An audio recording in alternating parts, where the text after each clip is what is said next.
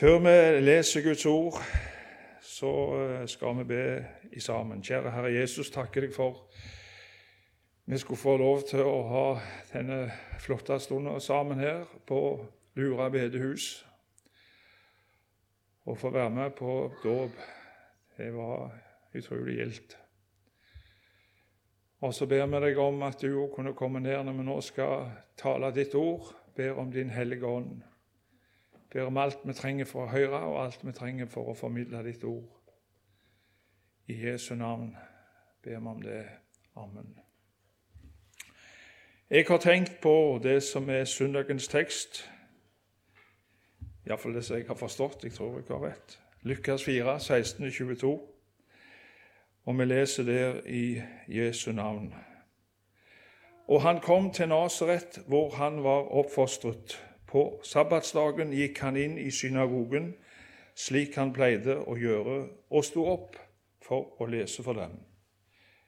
De ga ham da profeten Jesajas bok, og da han hadde åpnet boken, fant han stedet der det står skrevet 'Herrens ånd er over meg', for han har salvet meg til å forkynne evangeliet for fattige. Han har sendt meg for å forkynne for fanger at de skal få frihet, og for blinde at de skal få syn, for å sette undertrykte fri, for å forkynne et nådens år fra Herren. Han lukket boken, ga den til tjeneren og satte seg. Alle som var i synagogen, hadde sine øyne festet på ham. Han begynte så med å si til dem.: I dag er dette Skriftens ord blitt oppfylt for ørene deres. Alle ga ham vitnesbyrd og undret seg over de nådens ord som lød fra hans munn. Og de sa, er ikke dette Josefs sønn? For det første, Jesus gikk til synagogen eh, denne sabbaten. Det, synagogen var på en måte der lekfolket var, som, som et bedehus er i vår eh, kultur. Og der pleide han å gå. Eh, og det kan vi, tenker jeg, ikke gå ifra i stillhet, for det har et budskap til oss alle sammen, enten vi er små eller store, at å høre Guds ord, det er noe vi skal gjøre regelmessig. Det er, jeg sammenligner det ofte med det å sette seg til bords, og det gjør vi jo tre ganger til dagen, iallfall jeg. En gang til gjennom meg òg. Sånn ser jeg ut. Eh, men vi trenger mat regelmessig for å leve. Og det trenger vi òg i forhold til det med Guds ord. For mennesket lever ikke bare av brød alene, men av hvert ord som går ut av hans munn. Så jeg har lyst til å si fint til alle sammen det er viktig at vi eh, er, har en regelmessighet i det å samle, det å ha en forsamling å gå i, det å gå og høre Guds ord. Ikke bare når vi finner det for godt. Nei, Jesus har lært oss. Han gjorde det. Eh, altså Han gjorde det til en regelmessighet, en sedvane. En ikke ukjent professor som jeg hadde en gang som lærer, han snakket om å være turist i Guds forsamling. Og nå reiser jeg jo rundt, og jeg har sett mange forsamlinger. Og jeg kjenner en del bygder og byer, altså etter hvert. Og så er det noen som stikker innom av og til som turist. Du kan liksom ikke regne med dem. De kommer liksom innom av og til. Og jeg glemmer ikke det når min ærverdige lærer snakket om det. At jeg ikke skal være en turist i Guds forsamling. Men her er min åndelige heim en som du kan regne med. Sånn må det være for oss, altså.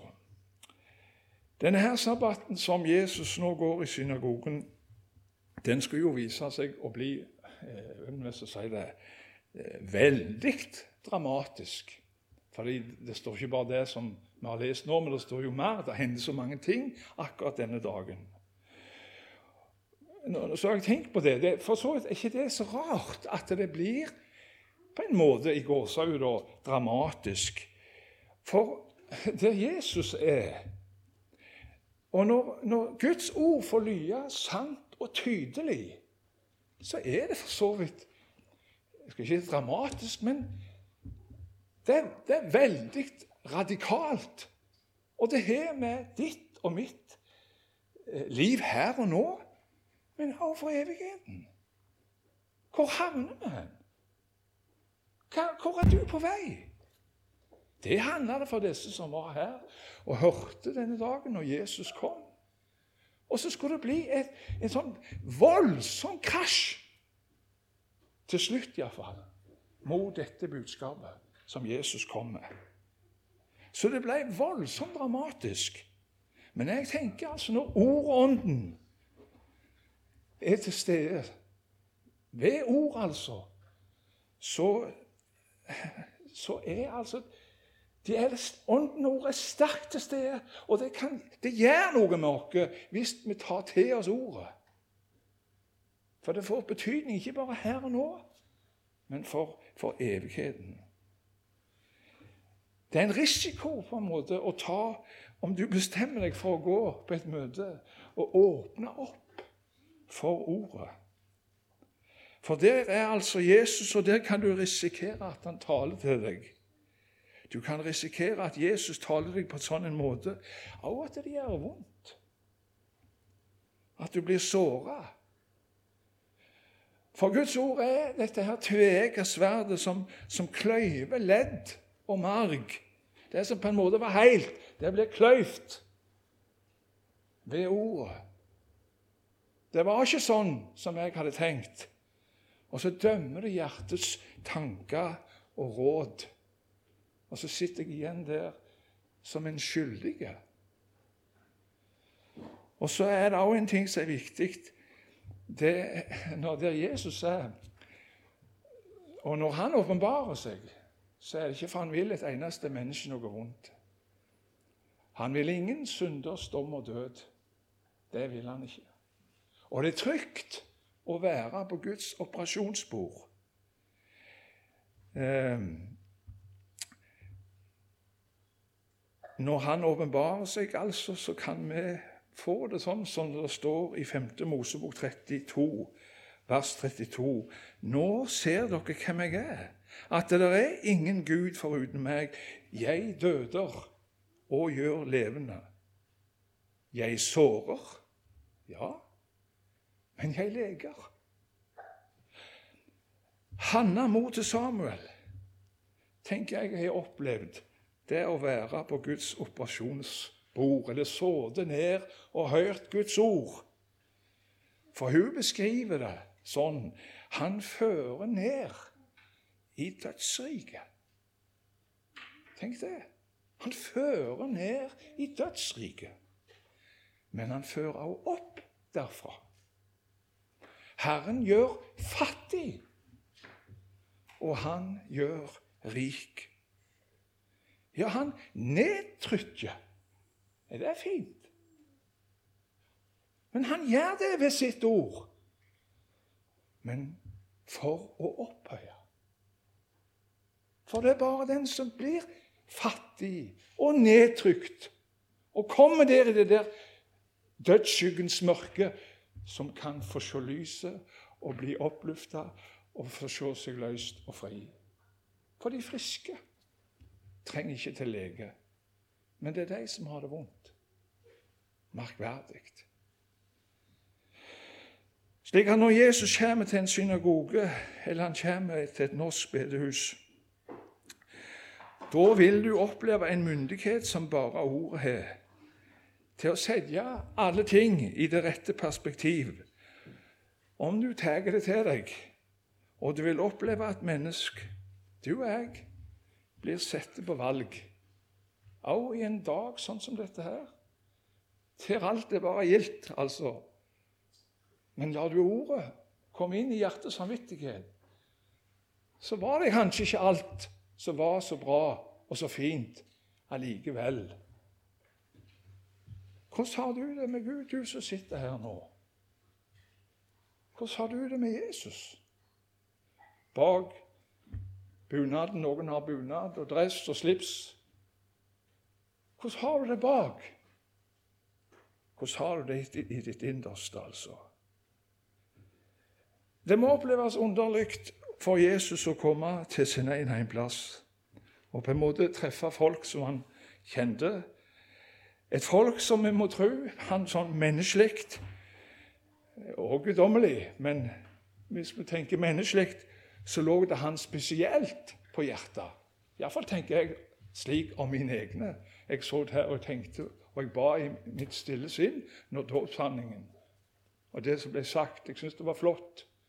Jeg tenkte på noen av mine egne. Og Sånn tenker jeg med Jesus òg. At dette her med Nasaret det var ikke bare Det var noe spesielt, tenker jeg.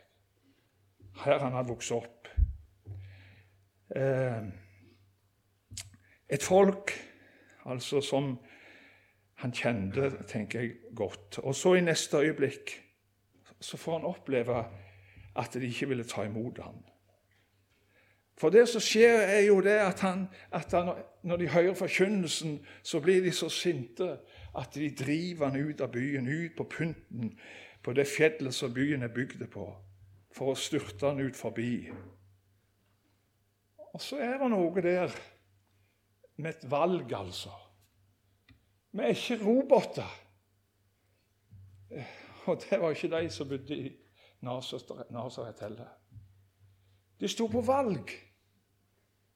De kunne valgt å høre på han, men de valgte å drive han ut. Ut på det fjellet og ut for å prøve å styrte han ut forbi. Det er grufullt. Og så at et ord, et budskap, kan få så radikale handlinger Det syns jeg er mest det er sånn at du har problemer med å forstå det. Men det er så radikalt fordi det handler om liv og død. Det handler om det evige liv, hvor vi skal tilbringe evigheten. Jeg har sikkert fortalt om Wilhelm Busch, men det gjør ingenting om dere hører det igjen. Når han som liten gutt står i byen sin, i Dresden Det er vinter og, og store isblokker kommer ned, for det er, litt tinvær, så, så, så isen brytes opp, og så kommer disse isblokkene nedover. Og så står Bruno på noen brupilarer. Han er liten, og, og, og, og nedover så kommer det ei stor isblokk. Og han kjente seg liten mot disse voldsomme kreftene. Og, og Han sto der og han tenkte med spenning hvordan kommer dette til å gå. Tenk om, han, tenk om, om isblokka velter brupilaren. Og så kommer det med store fart ned gjennom Pang! Og så treffer isblokka brupilaren. Hva som skjer? Isblokka deltes i to. Og så fer hun på hver side ned gjennom elva. Bruno sto og ville være trygge. Men det var noe som, som skilte altså denne svære isblokka. Og så brukte denne ungdomspastoren det som et beled når han skulle tale til sine tyske medborgere, og sa at sånn har mannen fra Nasaret stått som en brupilar i verdenshistorien. En har prøvd å velte dette navnet over ende, føre det utover stupet. Alt ifra fritenkere og statsmenn, store land og riker mange har opplevd fengsel og tortur pga. ord om korset. Tusener har mista livet for dette Jesu navn. Allikevel så står det der i verdenshistorien som en brukpilar og deler menneskeheten i to. Au her. Hvis du er her som ikke har det godt med Jesus, så er òg denne forsamlingen delt i to. Og nå er han i synagogen i Nasaret. Mellommannen for en ny pakt står blant sine egne. Tenk deg situasjonen. Så nær Frelseren, og allikevel så langt borte. Hans nærvær setter skille mellom slekt og venner, naboer og kjente. Hans nærvær satte folket på valg. Og Dramatikken den begynte allerede i synagogen. Når en fremmede lærer ville ta ordet, så gjør, han, så gjør han det til kjenne ved å reise seg. Og hvis synagogeforstanderen synes det er greit, så gir de han rullen med de hellige skrifter til den fremmede. Og den som leste, brukte å stå ved en slags lesepult som sto høyere, enn folket.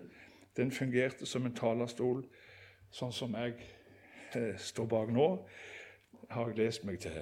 Så, så, så, det var noe lignende sånn som vi har det. Og så står det da han åpna boka, fant han stedet. Tror dere det var tilfeldig? Det tror ikke jeg heller. Han visste meget godt hva han skulle lese. Han fant det ikke på slump.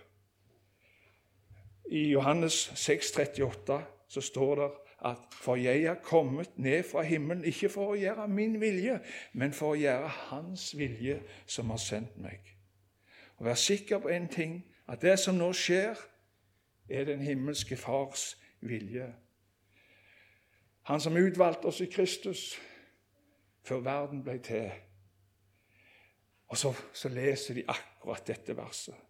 Og spenningen den var til å ta og føle på mye mer, tenker jeg, enn vi gjerne forstår.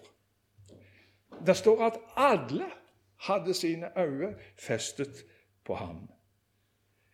Og jeg tenker det må være en elektrisk stemning. De må ha opplevd Den hellige åndens nærvær på en spesiell måte. Jesus var der, fysisk til stede. Og så leser han et ord som forteller om han sjøl. At han er oppfyllelsen av dette ordet. Så står han der, og så forkynner han det. Og så står det allikevel at alle som var der, de ga en vitnesbyrd. Og de undra seg over de nådens ord som lød fra hans munn. Og det som Jesus leste ifra, det er jo Esaias-rollen.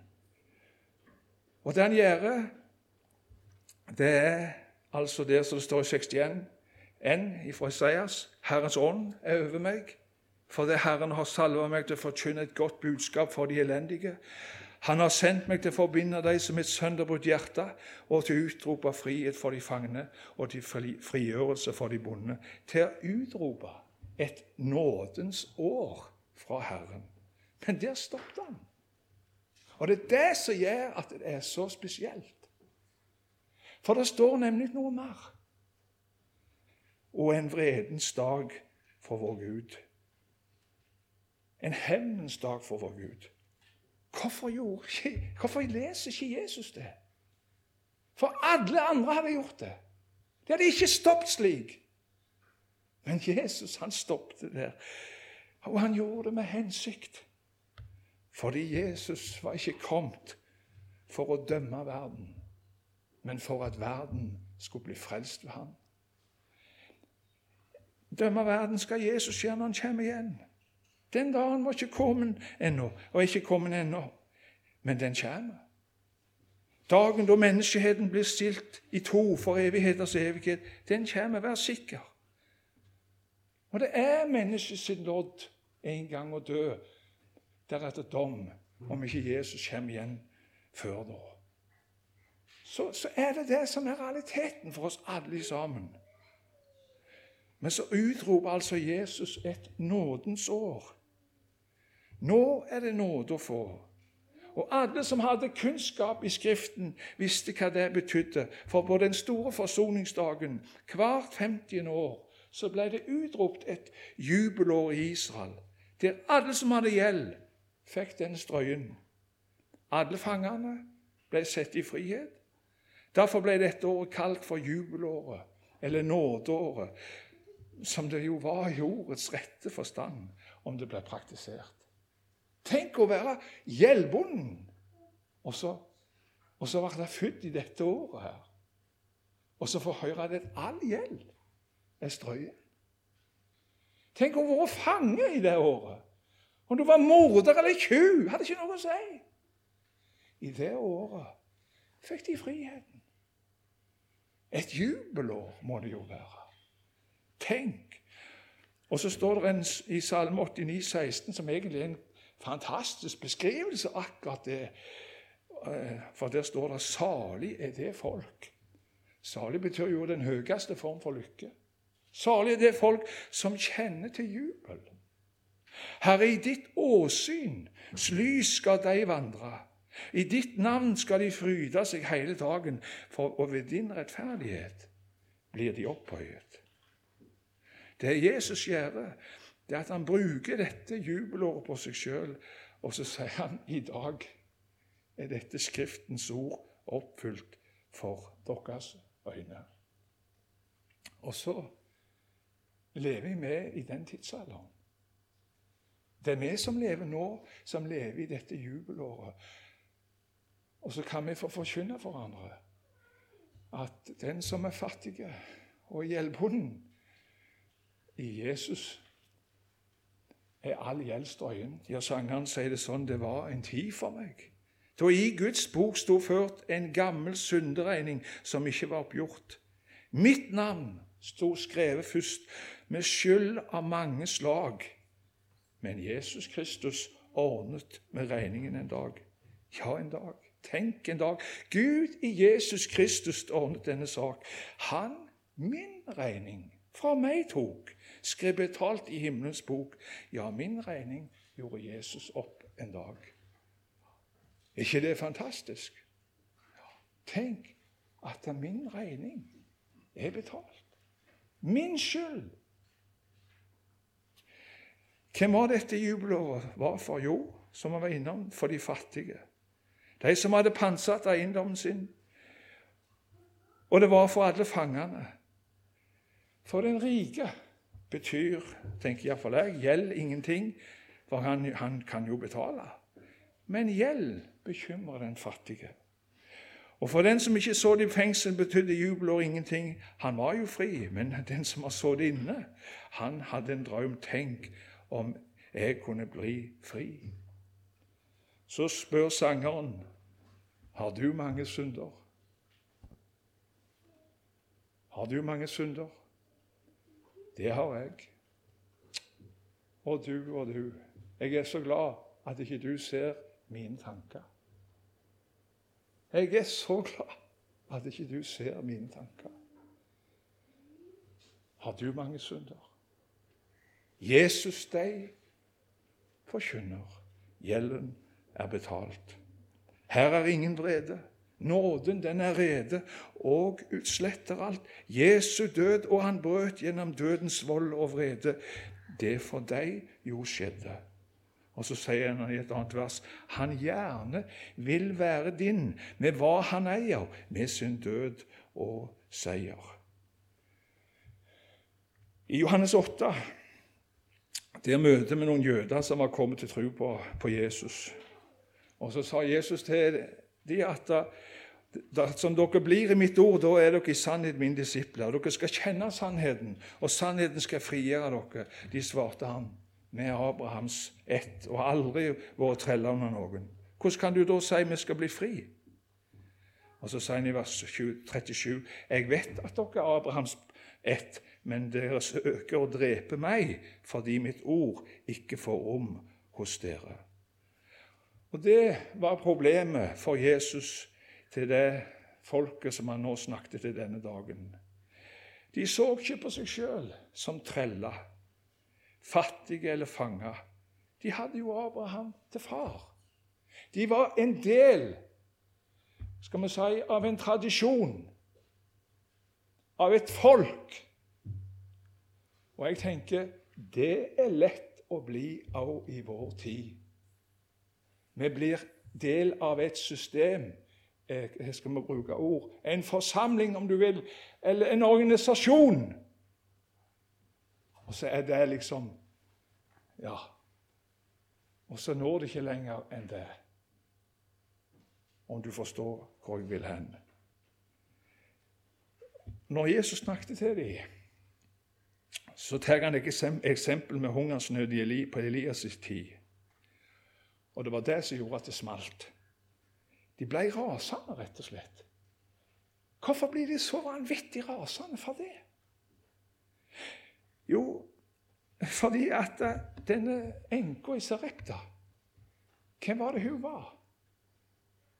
Hun var en hedning. Hun var ikke jøde. Og så allikevel så ble hun hjulpet. Så tar jeg av Jesus etter, og bruker et annet eksempel om, om, om hvor mange spedalsker det var i, i, i gammel tid. så sant?